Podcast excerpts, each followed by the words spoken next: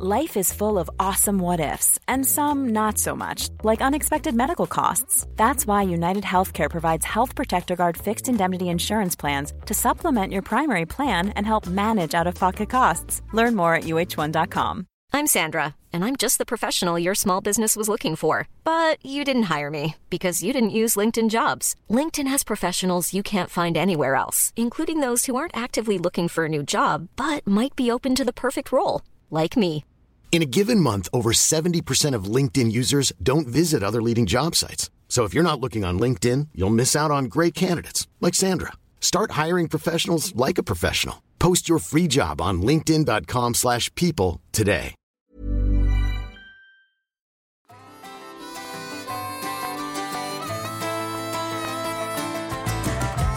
Hej och välkommen till Toppenjakt! Det nionde avsnittet är det va? Eller? Kul i alla fall. Jag heter Kalle och med mig har jag Lex och Lill-Ove. Hallå! Hej! Hej! Hur är läget? Det är bra med mig. Jag har fått iväg, det passar bra att spela in podd en morgon. Det känns faktiskt rätt skönt. Jag var svintrött när jag vaknade, men nu känns man som man är igång. Fått iväg lite barn och ska inte börja jobba förrän eftermiddag, så det är bra.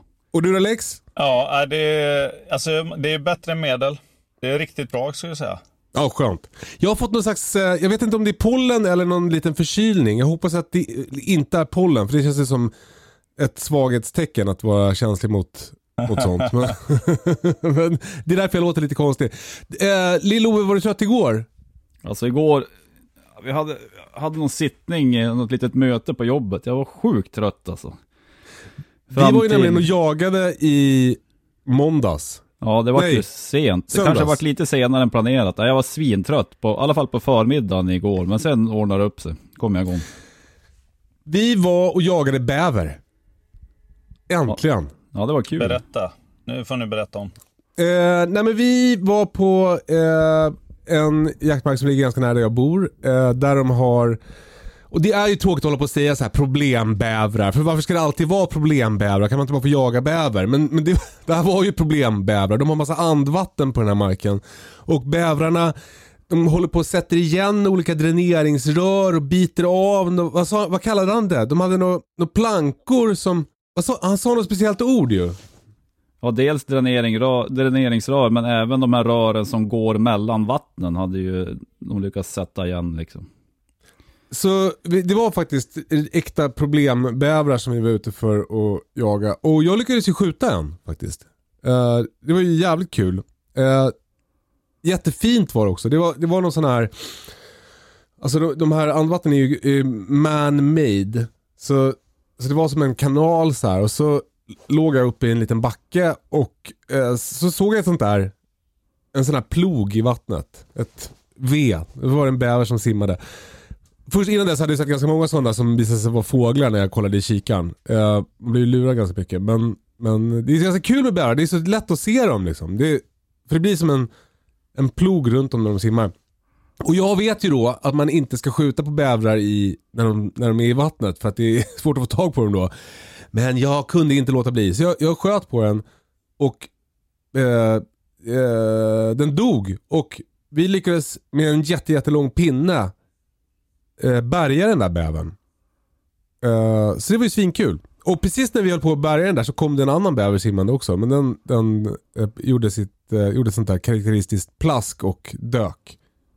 Ja, men det där var ju, men det där är ju kanske en självklar fråga när man jagar bäver. Ska man skjuta i vattnet eller inte? Och ja, vi sköt ju på en bäver till. Det kan vi ju berätta lite senare. Men där, den du sköt på, det var ju som ett, det var ju lite som Mississippi-delta nästan. Ja, Det fanns väl ingen alligator men det var ju alltså lite det stuket. alligator. Men, men det var ju inte, det var inte speciellt brett.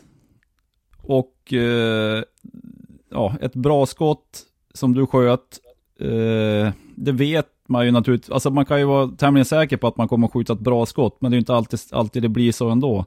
Men den, den dog ju typ direkt och eh, flöt.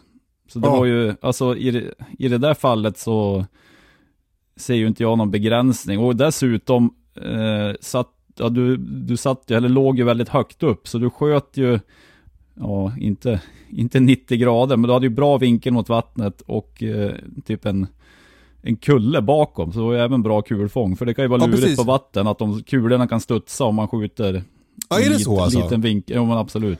Ja, ja för, för det, det har man ju hört om att det kan studsa, och mark är fryst och sådär klart. Men, men, men att det kan studsa på vatten, det, det känns ju lite skumt. Men, men det har jag hört förut också. Men jag tror ju, alltså jag, jag vet inte hur mycket vinkel man måste ha för att den inte ska studsa, men alltså det, det, eh, ja, det känns ju som man i princip nästan må, måste skjuta parallellt med vattnet. Så är det ju Alltså det inte. blir Den som kan- en macka liksom. Alltså Ja, man men kastar lite macka. så. Men du hade ju en del jävla, höjd. många, jävla många studsar det skulle bli. Ja, fy fasen. Ja, men det där får man ju ha i åtanke. Det- Alltså vatten är ju, är ju inte det mest optimala kulfånget. Framförallt inte om du sitter lågt och skjuter Nej. i typ parallellt med vattenytan. Ja men exakt. Men det Men gjorde det inte var du. ju- Eh, Det var ju snyggt. Alltså, det kanske känns eh, självklart, men eh, det är ändå värt... Alltså, och då skjuter du huvudet antar jag? Ja precis, det är det som sticker upp. Eh, när den simmar. Så, så då, jag siktar på huvudet. Och, och träffar i huvudet. Men och, och det var ju, alltså det, den simmade ju som i en ganska smal kanal. Eh, men, och den såg ju smal ut när jag sköt. Men sen när man ska bärga den där bävern, det, det är ju liksom längre än man tror. Vi, vi var tvungna att hämta först en jättelång pinne och den räckte ju halvvägs. Och sen en jätte, jätte, jättelång pinne. Till slut så fick jag du Lill-Ove höll i en jättelång pinne, jag höll i ditt bälte och du stod lutad ut över kanalen. Ja, Och, och, och, och dränkte ena Lundagskängan. Jag tror inte den har torkat än alltså. sen lyckades du fösa in den där till land. Ja, men det var ju härligt. Ja, det var jävligt kul. Eh, och sen så eh, begav vi oss till ett annat andvatten för att du skulle få skjuta en bäver också. Vill du berätta den historien? Ja, men det var ju lite spännande. Eh, ja, men vi hade ju en fin, det var ju en grym kväll och vi såg även en del vildsvin med kultingar. Dovhjort Ja. såg vi mycket också. Ja. Eh, men vi kom det var ett lite större andvatten, det, vad ska man säga, det var som ett system med vassruggar och små kanaler. Så jag, jag stannade på en höjd och stod bara och kikarspanade. Det var ju mycket änder, det var gäster och svanar och det var mycket fågel. Så vi stod, och du smög ju vidare lite längre ner. Men till slut så såg jag en bäver och då stod jag ju ganska högt upp och långt bort från vattnet. Så jag började gå ner mot vattnet. Och sen när jag väl kommer ner, då har den ju simmat mot mig. Och är ju alltså jättenära land. Så jag har ju som en liten, ja vad ska man säga, en liten bank som, alltså han är precis, ja men kulfång bakom bävern. Så jag skjuter ett skott. Och eh, jag uppfattar ju att, alltså det där måste jag ha tagit. Och det gjorde det ju förmodligen, för den kom ju upp bara någon sekund senare, en meter, alltså två, tre meter bort. Och då hade ju Kalle anslutit, då sköt jag ett skott till. Och så eh, var den ju, och försvann jättesnabbt och kom upp, så man bara, ja den här är ju skadad. Och sen blev det ju, ja men som vi diskuterade med första, Kalles första bäver, det var, var ju svinsnyggt. Ett skott och sen var det bara att hämta in den. Så blev det ju inte riktigt här. Men vi fick ju ihjäl den där och den låg vid en liten eh, vassrugge mot land. Eller inte mot land, mot en liten holme ute i, ute i det där vandvattnet. Så vi kom ju inte åt den från, ja, från där vi hade skjutit helt enkelt. Och så började det bli mörkt. Och så hade vi eh, gått från där Kalle sköt första bävern till det här nästa andvattnet. Och så bara, Kalle har du någon pannlampa? Bara, nej, nej inte jag heller. Och så blev Alltså det så jävla dåligt. Ja, så jävla, alltså en liten parodi på jägarkåren.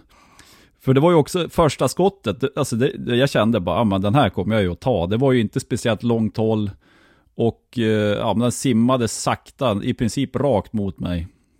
Men eh, det tog ju inte, ja bevisligen tog det ju inte hundraprocentigt. Den var ju skadad, för annars skulle den ju inte, alltså i min bedömning, den skulle ju inte ha kommit upp igen Nej men exakt. om man ska göra bommaren.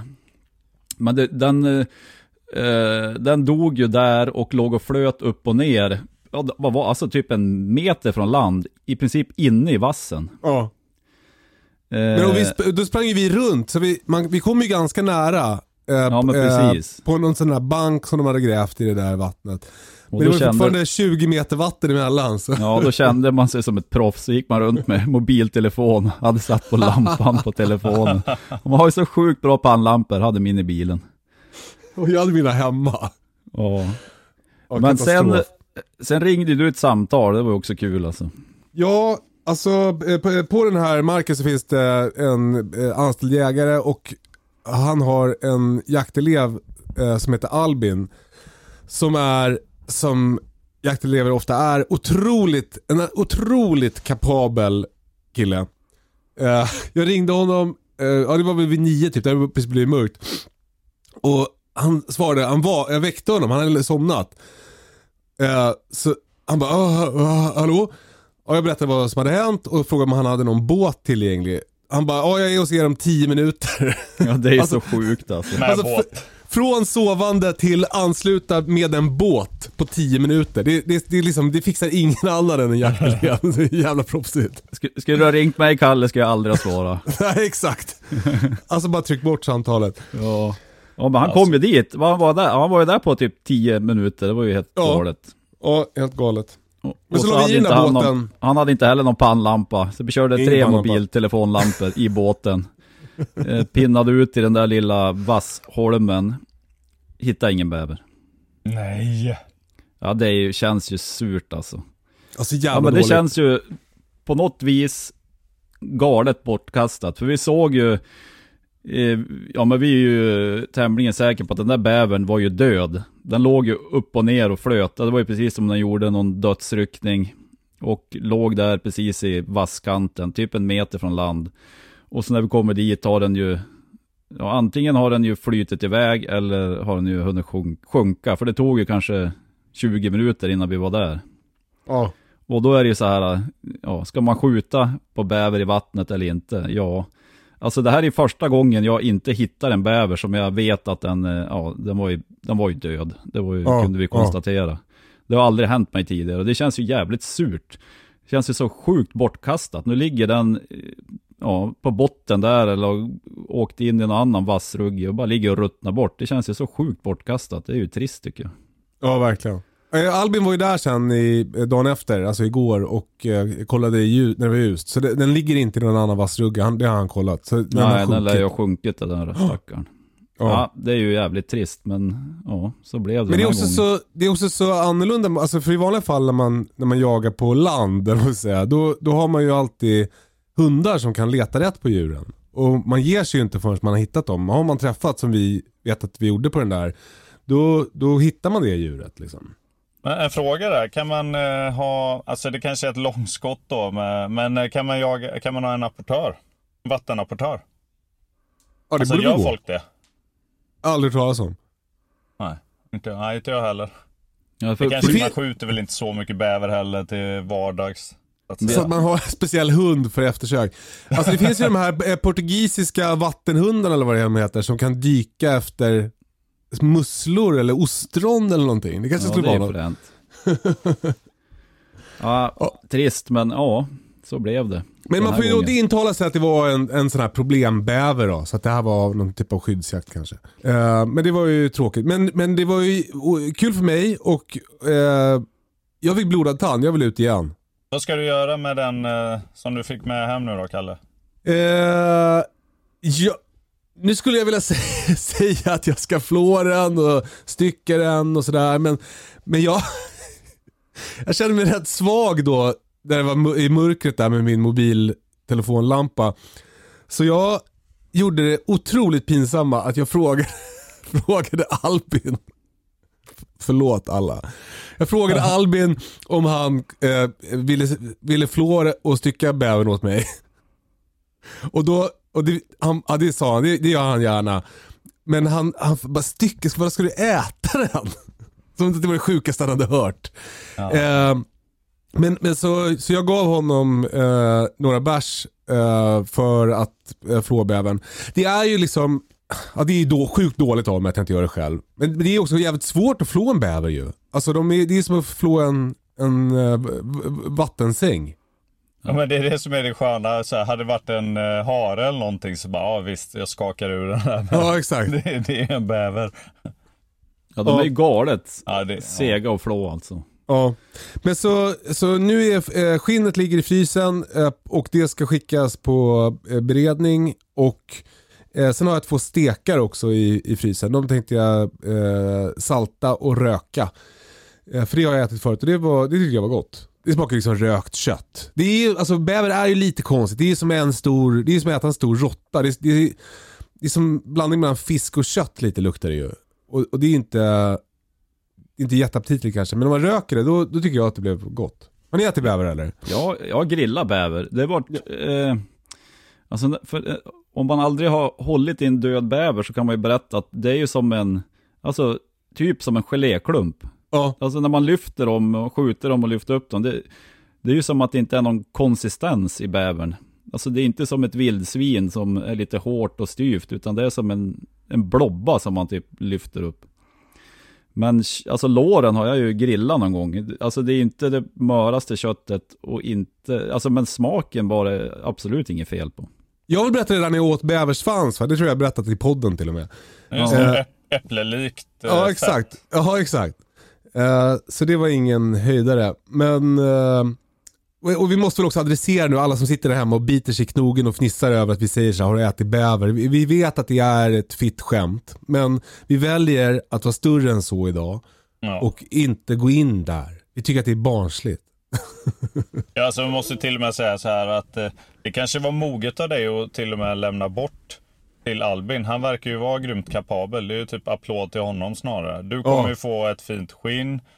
Du eh, fick ett eh, välstyckat djur och Ja, alltså det kan ju vara lite olika åsikter om det, men egentligen det är ju en, eh, visst är det en växtätande liksom liten krabat. Det är ju inget fel på det köttet. Nej, men det är väl det här att den bor liksom lite sumpigt. Det är som, det, det luktar liksom lite skumt. Lite liksom vatten. Och, och de där andvattnen är ju, det känns ju som att de står ganska stilla och var rätt grumligt vatten dessutom. Ja. Fick Men- du eh, analköttlarna med i någon påse eller något? Eller? Nej, jag valde att eh, slänga det för att jag tycker inte att det är så gott med bävergäll.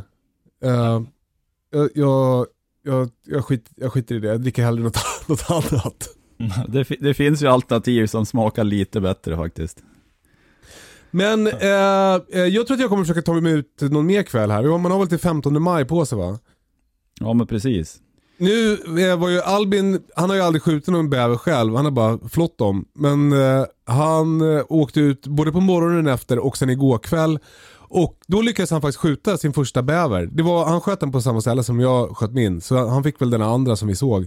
Ja men det var ju kul. Och det var ju så sjukt när han kom, han, hade, han berättade för oss att han hade suttit ute så många kvällar och kollat efter bäver, inte sett någonting. Vi åker ut, går, går en bit, kollar något andvatten och tänker, eh, bara, äh, här finns det nog ingen, vi såg ingen färsk gnag. Gick till nästa, bara, oj då, där är en bäver.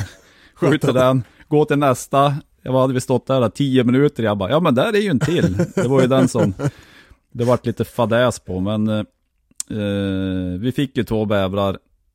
Men tyvärr en eh, lyckas vi inte bärga. På Man ganska behöv- kort tid. Man behöver ju den här typen av jakt ibland för att det ska liksom kännas eh, eh, kul. Att det går liksom lite för bra. Det är liksom lite för, man si- behöver inte sitta så länge. Det, man, man, det känns som att det är djur överallt och så här. Om man får sådana jakter ibland, då tycker i alla fall jag att man, det är väldigt lätt att hålla ångan uppe och, och ge sig ut. Ja men då blir man ju laddad. Ja, ja det Men var du jävligt kul. Men jag tänkte på när du sa det här att eh, Albin fick flåbävern. Då kommer jag ju tänka på att, ja men där jag och Kalle jagar älg, där eh, skickar vi allting till viltslakteri också. Mm. Just och det, det. Gör, det gör vi av flera anledningar. Dels har vi bara en liten koja på hela marken. Vi har ingenstans att hänga älgarna. Eh, vi har ingen el, vi har ingen möjlighet att köra något kylrum. Så vi, alltså det, och största anledningen till att jag tycker det är sjukt bra att skicka till viltslakteri, det är ju för att man, alltså jag vill ju jaga, jag har ju inte hur mycket ledig tid som helst, så när jag åker iväg vill jag jaga, alltså eh, jag har ju inget problem att stycka djur, men jag är inte jättesugen på att göra det när jag åker iväg en vecka till Norrland, utan då vill jag jaga, inte hålla på. Sen är det ju, så får man ju naturligtvis betala för det, men det är ju en sjukt praktisk lösning med tanke på hur det ser ut uppe på marken där vi jagar älg. Ja, och jag tycker att det är, eh, och så här, men det är en avvägning man får göra. Och det, det är bra att veta att man kan själv. Så att man har gjort det. Så att det, det inte är någonting som man är rädd för eller känner sig osäker kring. Eh, men men eh, och man, alltså, jakten tar mycket tid som det är och stycka tar sjukt lång tid. Och en älg är jätte, jätte, jättestor Och det är krångligt att hålla på med. Så jag tycker också att det är grymt. Och sen så eh, är det också bra för, eh, i alla fall min fru tycker att det är, ja, men det känns lättare för henne när det är så här, liksom köpeförpackat. Det står på noga vad det är, det, är liksom, det ser ut som en, en man, som hon är van vid, man köper i affären och så här. Det, det finns ett värde i det också. Ja men det är ju superproffsigt. Ja, så det, det tycker jag också är toppen. Man Det får är hem... inga konstigheter. Nej, det är ju kanon. Det är ju så kul när man eh, eh, får hem en jättestor plastback med massa älgstekar och så bara, ja men det här är ju filén, det här är ju saltrullen, det här är entrecôten, men vad, vad fan är det här för någonting? och så drar man någon chansning, antingen skriver man bara, bara stek eller så drar man en chansning och så sen när man ska grilla bara, nej det där var inte innanlår, det, var, det kanske var ett ytterlår. Ja men den där tabben har man gjort, nu har man ju lite bättre koll, men det där har man gjort i tidernas begynnelse. Ja, fan. Världens man gör en sak segaste. och gör det bra. Ja, världens segaste proffs. grillbit. Ja men så är det ju. Ja men just för älgen också som är, som i alla fall vår, alltså här hemma det är som stapelköttet, det som vi äter mest av. Då är det skönt att det bara, att det är så enkelt. Det, det gillar jag jättemycket. Ja kul. Eh, detta om bävern.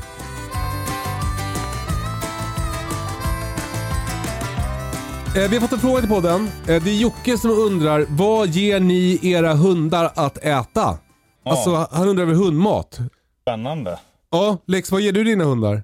Eh, Jag ger mina hundar eh, en blandning egentligen. De får färskfoder och de får eh, torrfoder. Lite om vartannat. Uh, ungefär 50-50. Varför då?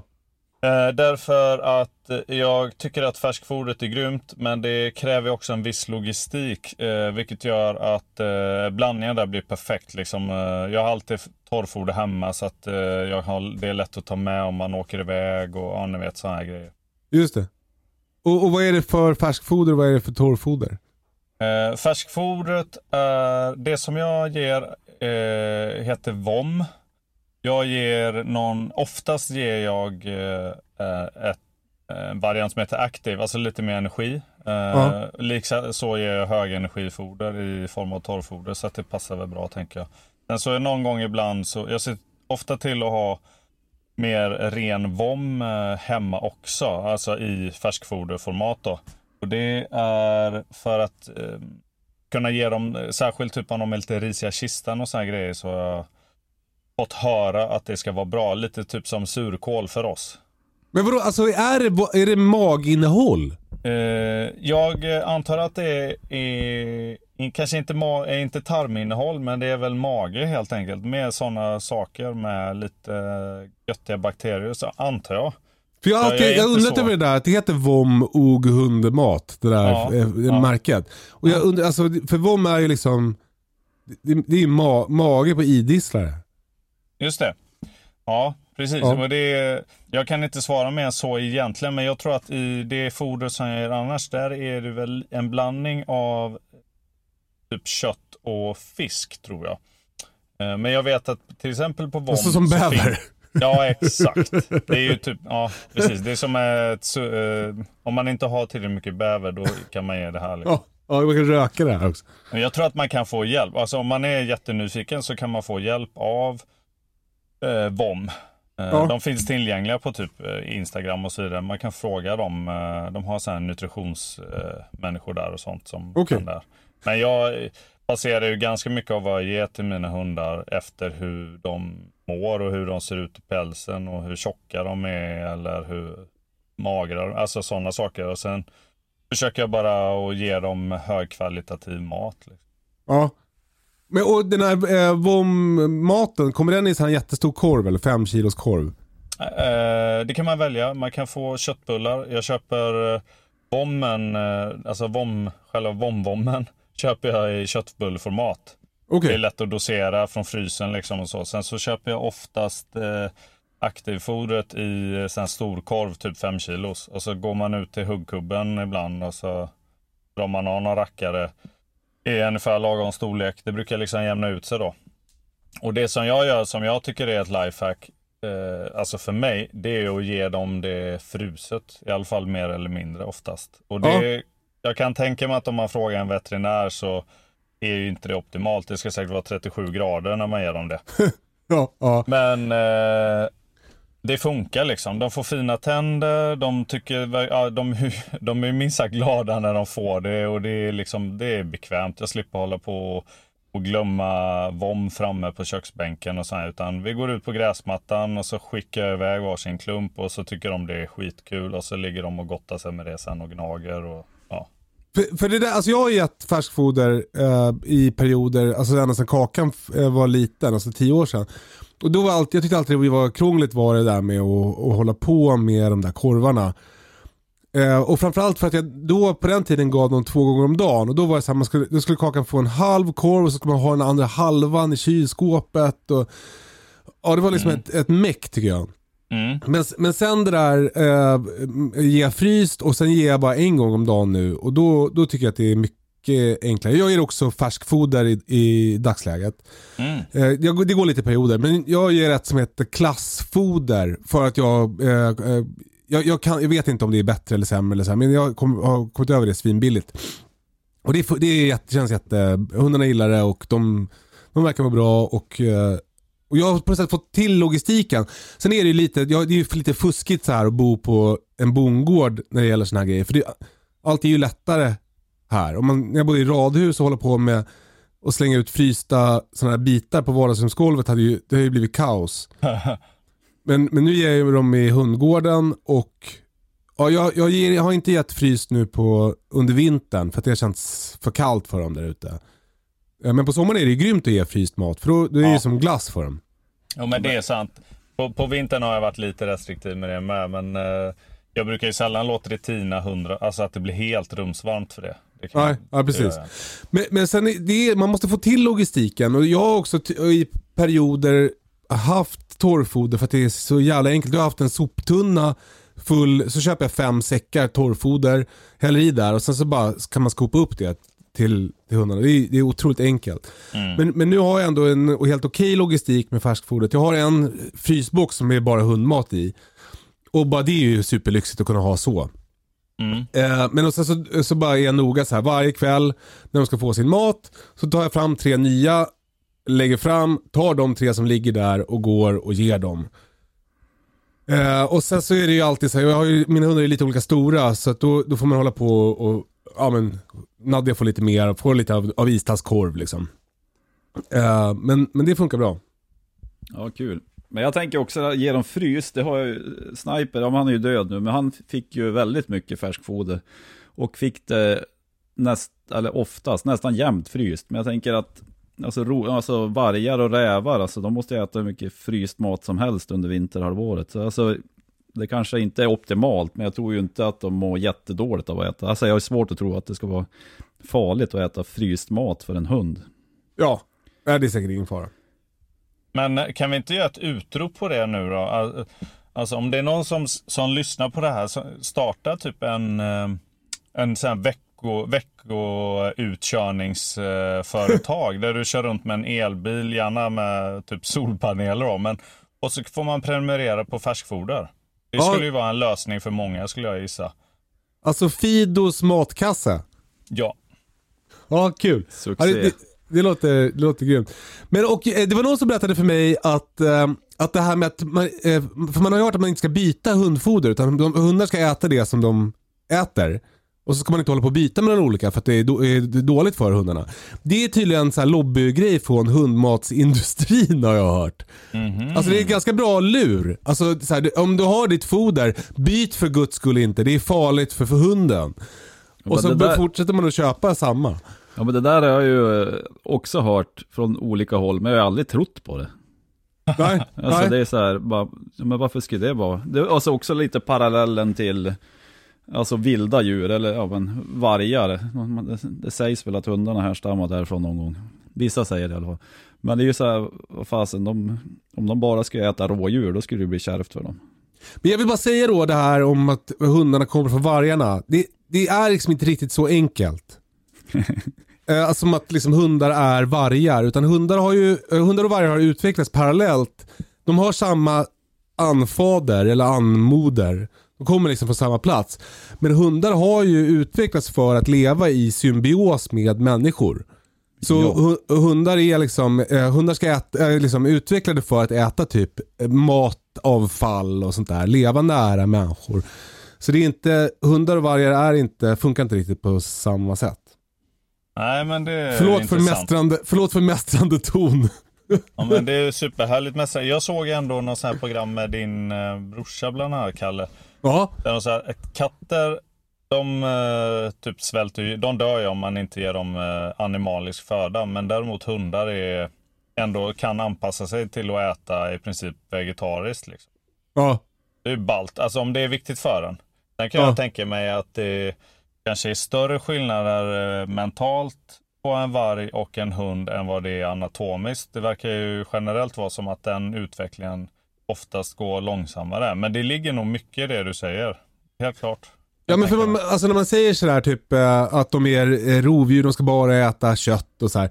Det, det, det är inte sant. Och jag jag läste ju en bok, eh, vad fan var det? Jag kommer inte ihåg vad det var för bok. Men jag, det var ju någon gubbe i alla fall som, han gav ju eh, sina hundar bara matavfall. Och eh, han gav dem inte heller varje dag utan han, han eh, hävdade att de han gav dem mycket ibland och sen kunde det gå ett par dagar utan, eh, utan mat och sen så fick de mycket igen. Och det var mycket, ja men det här med att man säger så här, de får inte äta ben eh, från djur på F, alltså fågel och fisk och så, att det kan vara farligt. Det, det sket han i fullständigt. Han gav dem, och kokta ben ska man inte ge dem har vi sagt också så här. Men det, det, han körde på. Huh. Det tycker jag var inspirerande. Jag tycker det är som ett, ett Ja, härligt men, sätt så, att ja, ha men så hund. funkar ju hundar, i alla fall hundar som inte är speciellt matglada. Jag har ju haft hundar som inte har ätit på två dagar och så dag tre äter de hur mycket som helst. Ja, Även att de har haft möjlighet att äta. ja. Men och det är också Ja, Ja, det men ett, ja, men det är också ett klassiskt tips. Äter inte hunden, ta bort maten. Ja. Men och sen när det gäller det där med fryst mat så jag har också hört en grej om det och det är att man ska inte, om man har en hund som gillar att bära grejer, alltså typ en apportör, eh, då ska man vara lite försiktig med att ge frysta ben och frysta, eh, fryst mat för då kan det bli att de bär omkring dem och får eh, ja, men köldskador på läpparna typ. Jaha. Ursäkta. Eh, ja, men eh, Lill-Ove, vad kör du för foder då? Ja, men jag körde till sniper nästan bara vom. Ja, Eh, bortsett om jag stack och jagade lång tid. Ja, men om vi var uppe i, ja, men uppe i Medelpad till exempel. För det, ja, det finns ju liksom inga frysmöjligheter. Det blir så jäkla kladdigt. just det. Så han fick ju torrfoder ibland, men, ja, men hemma var det 90% bom. Ja, Och det tyckte jag funkar svinbra. Eh, Viggo har ju lite, han har ju lite tendens att eh, bajsa ofta och mycket. Han har lite känslig mage, så han får någon sån här special torrfoder. Eh, jag har gett han vom förut, men eh, ja, jag fick egentligen rekommenderat av veterinären och foder och då har jag kört på det. Okej. Ja, det där är också intressant. Jag tycker att man ser på eh, hundens skit, ja, det här blir ju grafiskt, jag ber om ursäkt till alla lyssnare. Men, men man ser på hundens skit hur bra maten är. Alltså man, om man köper typ eh, något sånt där eh, eh, på ICA bara, billigaste. Ja, men, om man, om man typ stannar på, eh, man har glömt att ta med sig hundmat på jakten och stannar på OKQ8 och köper en stor påse Doggy eller vad det är. Då, det är som, eh, som att ge start till hunden. Liksom. Det, det är bara, det är liksom, de tycker att det är gott, men det kommer ju också ut som, som typ samma sak som man har stoppat in fast ihopklumpat. Det är som stora gula illaluktande högar.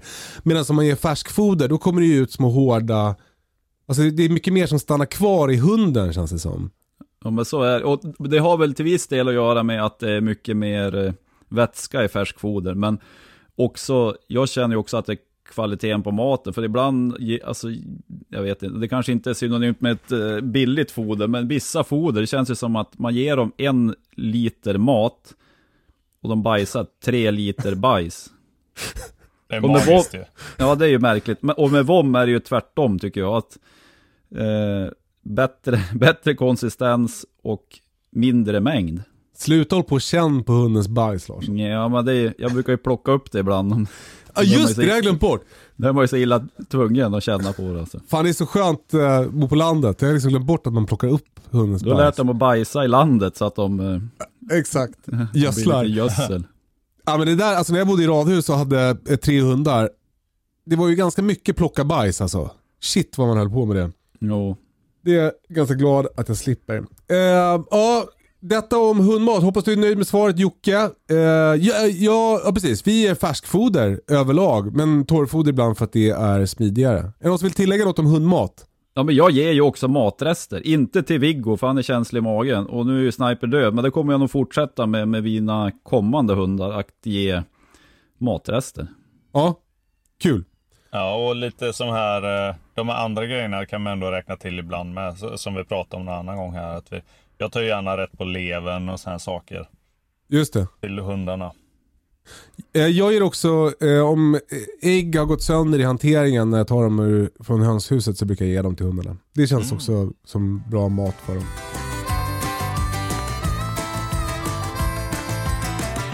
Ja, nu, nu kommer det bli liksom ett lite mer känsligt avsnitt av Toppenjaktpodden. Eh, och jag, eh, jag hoppas nu att våra fruar inte lyssnar.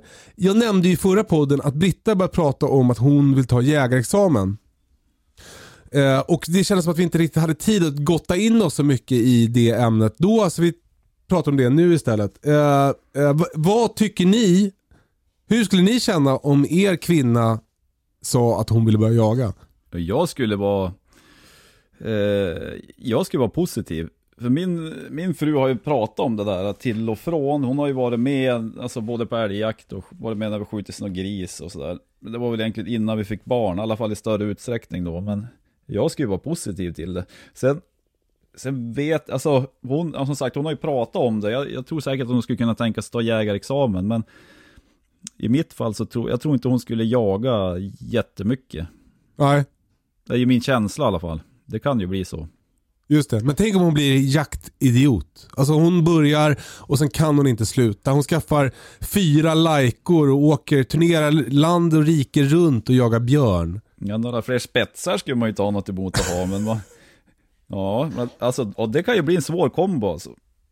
Ja, ja men för jag tycker du är inne på någonting där. Du säger så här att du, du det var, hon var med mycket innan ni skaffade barn. Och det, Alltså jakten bygger ju på att det är någon som är hemma med barnen. Om man har ja, barn. Men precis. Jag tror ju att det finns fler eh, anledningar till det. Men eh, barnen är ju naturligtvis en av dem. Men eh, ja, alltså ja, jag ser bara, jag tycker det bara skulle vara kul om, om hon ville ta jägarexamen och även om hon skulle vilja jaga. Sen får man ja. väl bara försöka lösa ut, lösa ut det sen tänker jag. Det, alltså, man är ju rätt anpassningsbar. Jag, jag ser ju liksom inga problem med det. Så. Nej. Vad säger du Lex? Ja men eh, väldigt likt. Jag när ändå någon typ av fantasi att någon gång komma ut på skidor och jaga fågel typ med min kvinna. Ja. För det tror jag att, eh, kanske baserat på att jag tror att hon skulle gilla det, men också för att det skulle vara fint att göra något sånt där ihop. Jag tror ändå inte att hon skulle liksom zooma in. Hon har inte riktigt samma inzoomningssyndrom som jag har på det sättet. Nej. Nej. Och sen eh, Alltså hon gillar ju att göra grejer med hundarna. Hon, eh, hon är bra med det och hon skulle säkert eh, uppskatta det som 17 att få då jaga med hunden. Alltså, när hon, om hon väl skulle få uppleva den grejen. Då tror jag säkert att hon skulle digga det.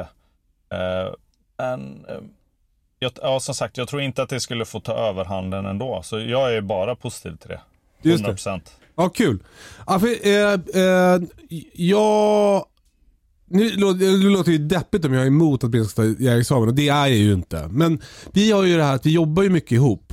Uh, alltså våra jobb är tillsammans och har varit det i många år. Vi har gjort tv-program ihop och uh, rest och filmat och sådär. Och det är jävligt krångligt när båda ska Ja men när båda ska gå på möte så ingen av oss kan hämta liksom.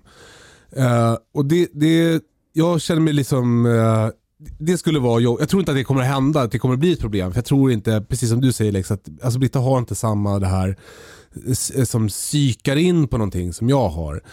Men, men eh, det är ganska, jag tycker det är ganska skönt att min stora hobby är någonting som jag har själv och när jag gör den så, så kan, som Britta, äh, äh, rädda upp situationen hemma. Och så, så när hon vill göra någonting så kan jag vara hemma. Liksom.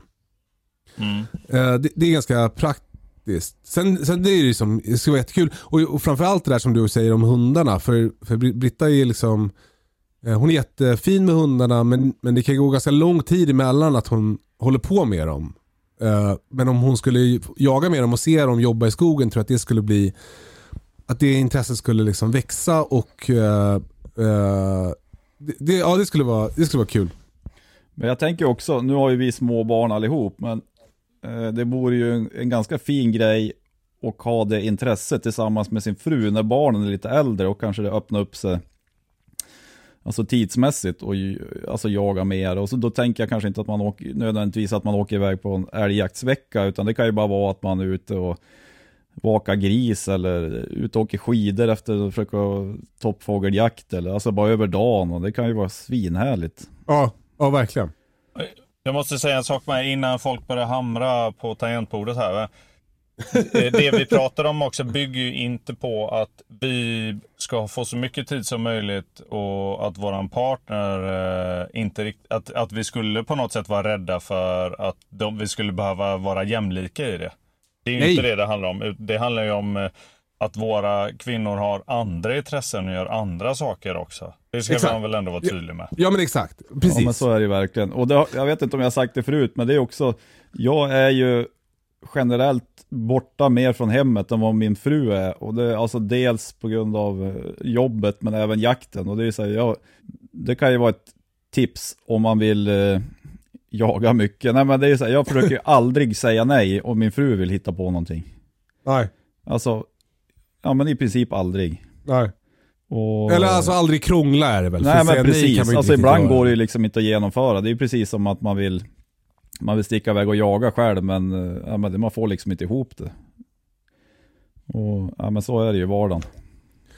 Eh, precis, men och, och eh, för, för, mig är det inte, alltså, jag tycker det skulle vara svinkul om Britta jagade, men det är bara att den här logistiken kring jakten, det skulle ju ta liksom, det skulle bli ett, ett mycket större krångel kring det om vi båda skulle iväg klockan fem på morgonen de här novembermånaderna. Liksom.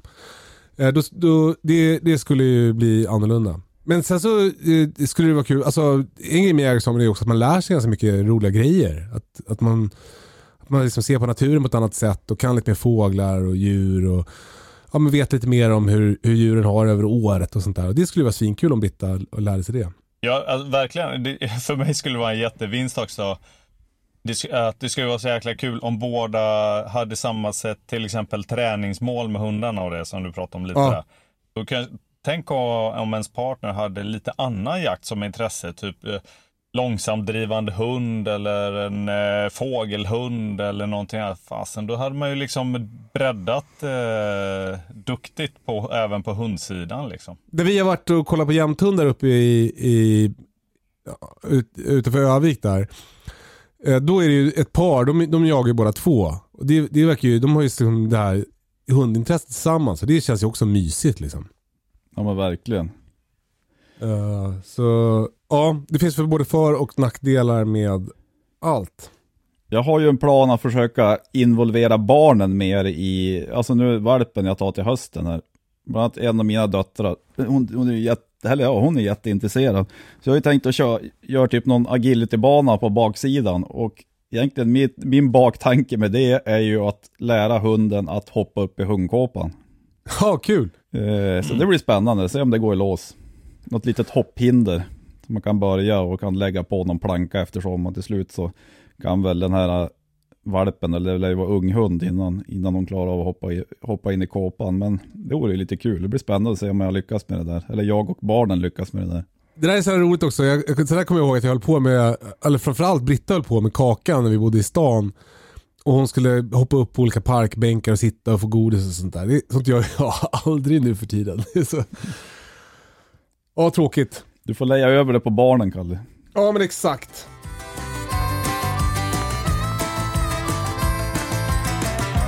Jag tänkte vi skulle prata lite om jaktkläder.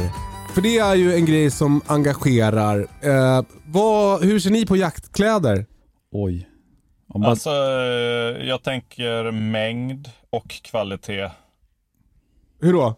Alltså, ja, jag vet inte hur mycket jaktkläder jag ska ha innan jag är klar liksom.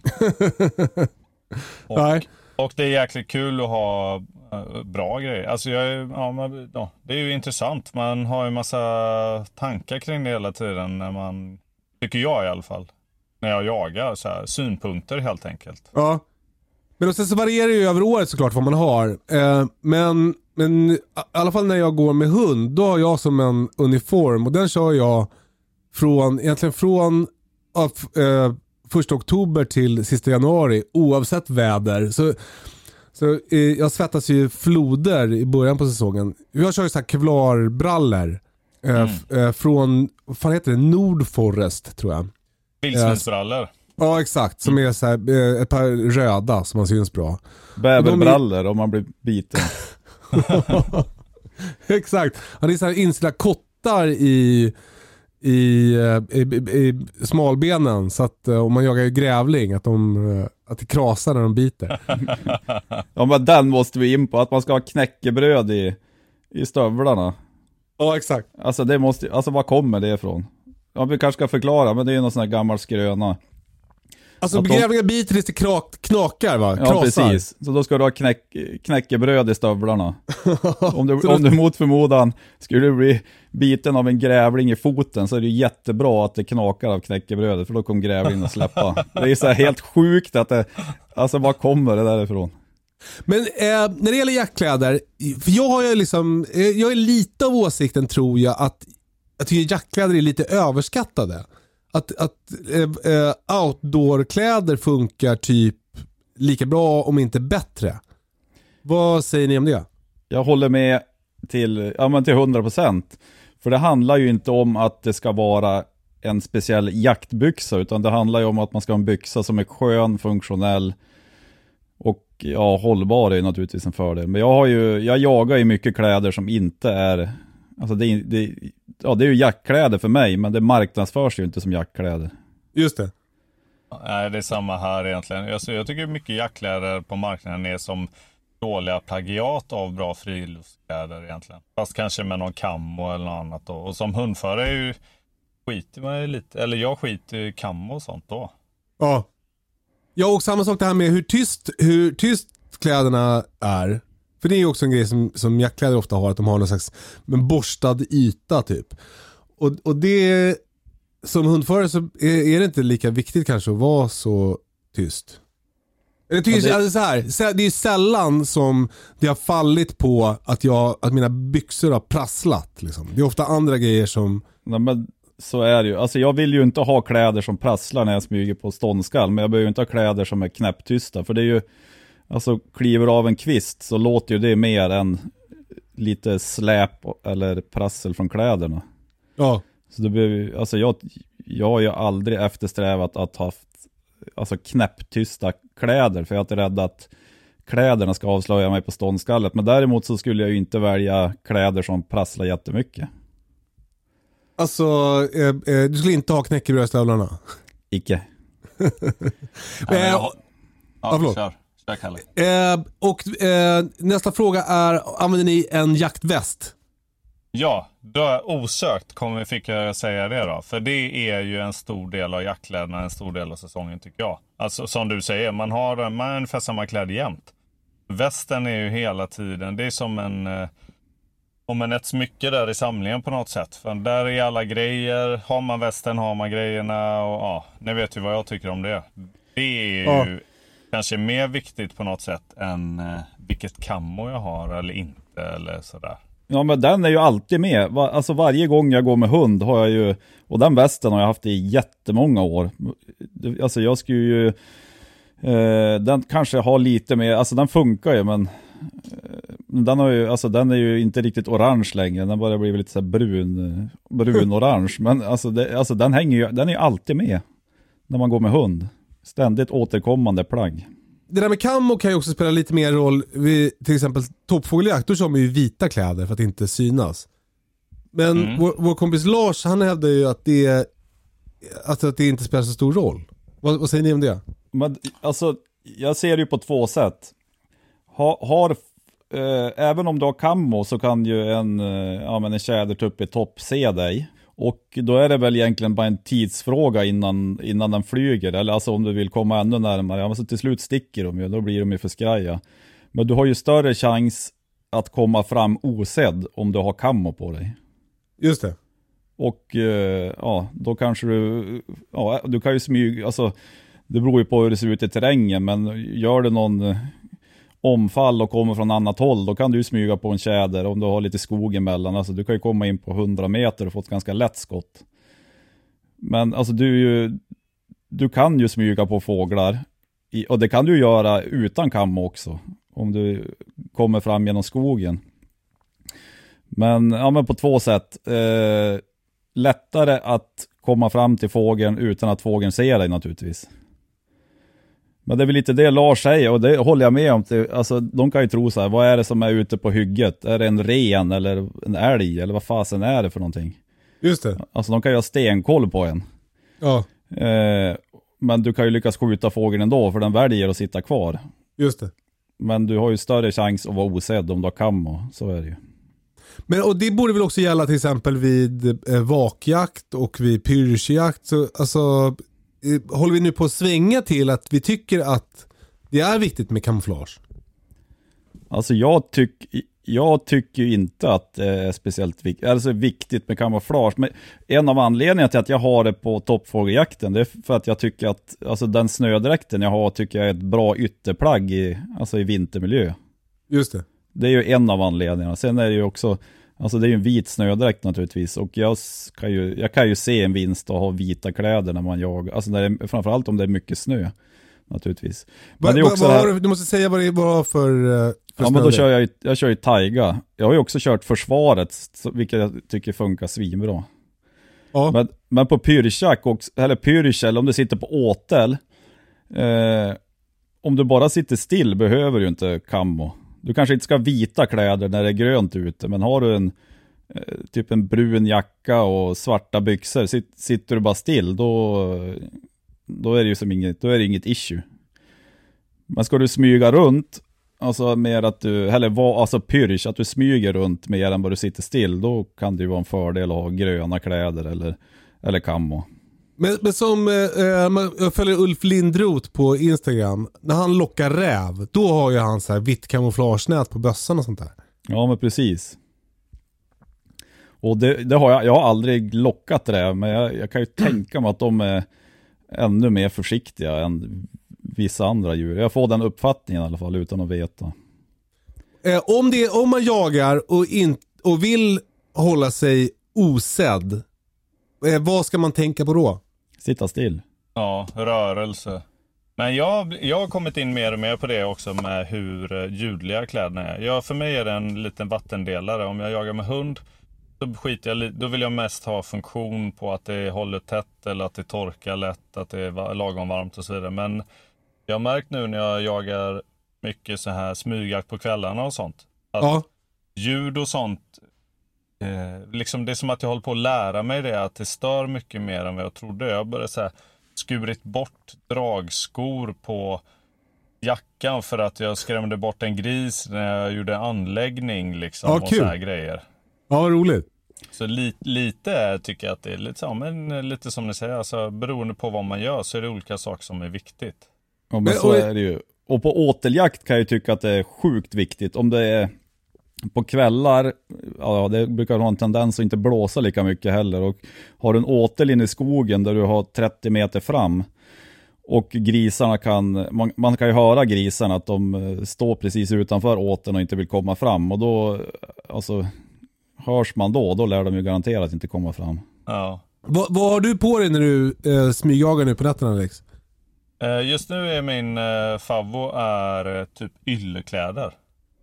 Okej. Eh, Alltså badmals, eh, badmalsbrallor och badmalsjacka. Jag, Ja, du har ju ett nytt ställ ja. ja, precis. Och det ehm, alltså det är jag svinnöjd med. Jag är, lite så bävar jag inför att det ska börja bli... Ja, sen är, jag menar, på vetesjakten och sånt kommer det vara för varmt för eh, badmalsbrallor gissar jag. Men de är ju knäpptysta. Och jag är ju rätt nyfiken på att liksom så här provtrycka de sådana material lite mer än vad jag gjort tidigare i livet. Liksom. Att inte hålla på med Gore-Tex och sånt i, i större utsträckning än vad jag absolut måste. Liksom. För det är tyst, det andas, det håller värme bra men det, det är liksom inte så här hopplöst tätt som typ Gore-Tex och sånt. Det, och det klarar liksom lite fukt också. Liksom. Men hur är känslan i brallorna? Är det som att ha mjukisbyxor på sig eller är det som att ha, vad är, vad är det som? Kostymbyxor? Ja, men som, eh, ja precis, ja tjocka kostymbyxor mer. Det är liksom Ja. inte obekvämt, men du känner ju att det är full på något sätt. Så här. Och hur, hur är det med fukt? Alltså om de blir blöta, blir de tunga och torkar aldrig då? Ja, jag, vet, det vet, jag skulle gissa att jag eh, inte skulle ha dem när jag gick med hund i blöt skog. Skulle, men eh, som det är nu, det har jag liksom inte ens upplevt att det, skulle, att det är så. Men jag har heller inte jagat i rent i regn med dem än heller. Just det. Men och det funkade ju för liksom eh, Edmund Hillary för att bestiga Mount Everest. Så det Ja. ju funka för, för Ja, att jaga det- lite vildsvin. det. Men det jag, där är har jag lite- ull innerst och hela vägen till ytterst liksom. Kul. Det där är ju lite tilltalande. Det blir kul att höra när du börjar knata runt, i- alltså med hunden till hösten också. I, de där, i det där stället. Mm. Eh, Ja, spännande. Men, och Gore-Tex, jag vet inte men, alltså om det, jag har ju det, men i undantagsfall. Jag blir ju hellre blöt av regnet. Alltså ösregnare, då måste man ju ha regnkläder eller Gore-Tex, annars kommer ju bli helt dyngsur. Men jag, jag, jag drar mig för att ta på mig Gore-Tex. För att det blir så, alltså, ja, jag blir så sjukt, alltså jag blir så fuktig inifrån. Mm. Alltså Ja. att, Gore, att Gore-Tex andas, alltså det måste ju vara marginellt alltså.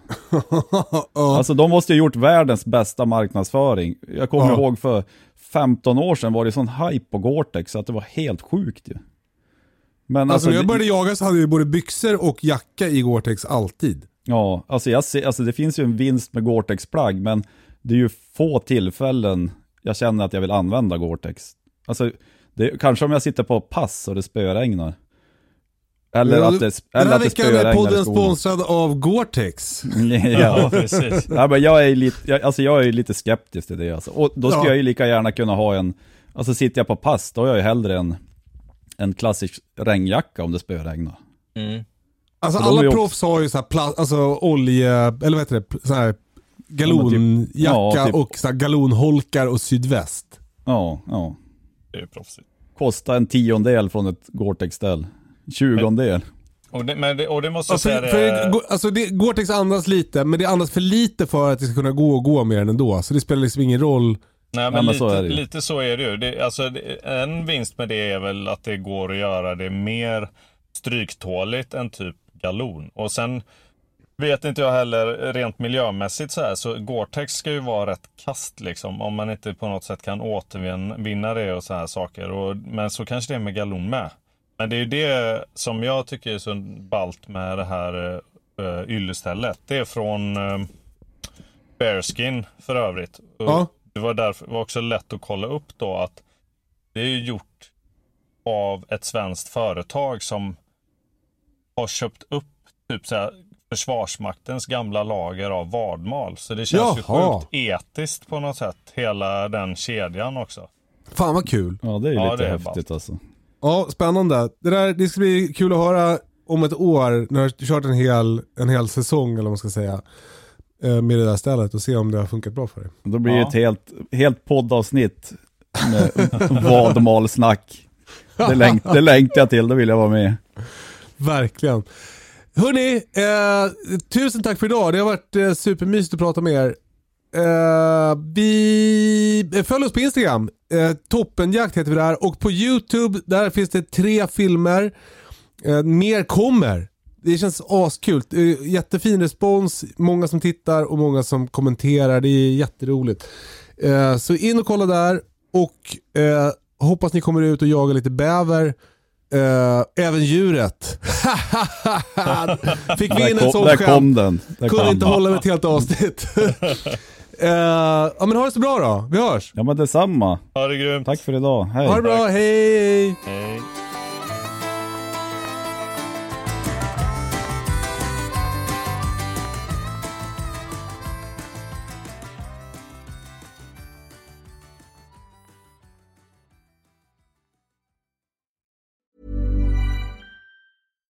Hi, I'm Daniel, founder of Pretty Litter. Cats and cat owners deserve better than any old fashioned litter. That's why I teamed up with scientists and veterinarians to create Pretty Litter. Its innovative crystal formula has superior odor control and weighs up to 80% less than clay litter. Pretty Litter even monitors health by changing colors to help detect early signs of potential illness. It's the world's smartest kitty litter. Go to prettylitter.com and use code ACAST for 20% off your first order and a free cat toy. Terms and conditions apply. See site for details.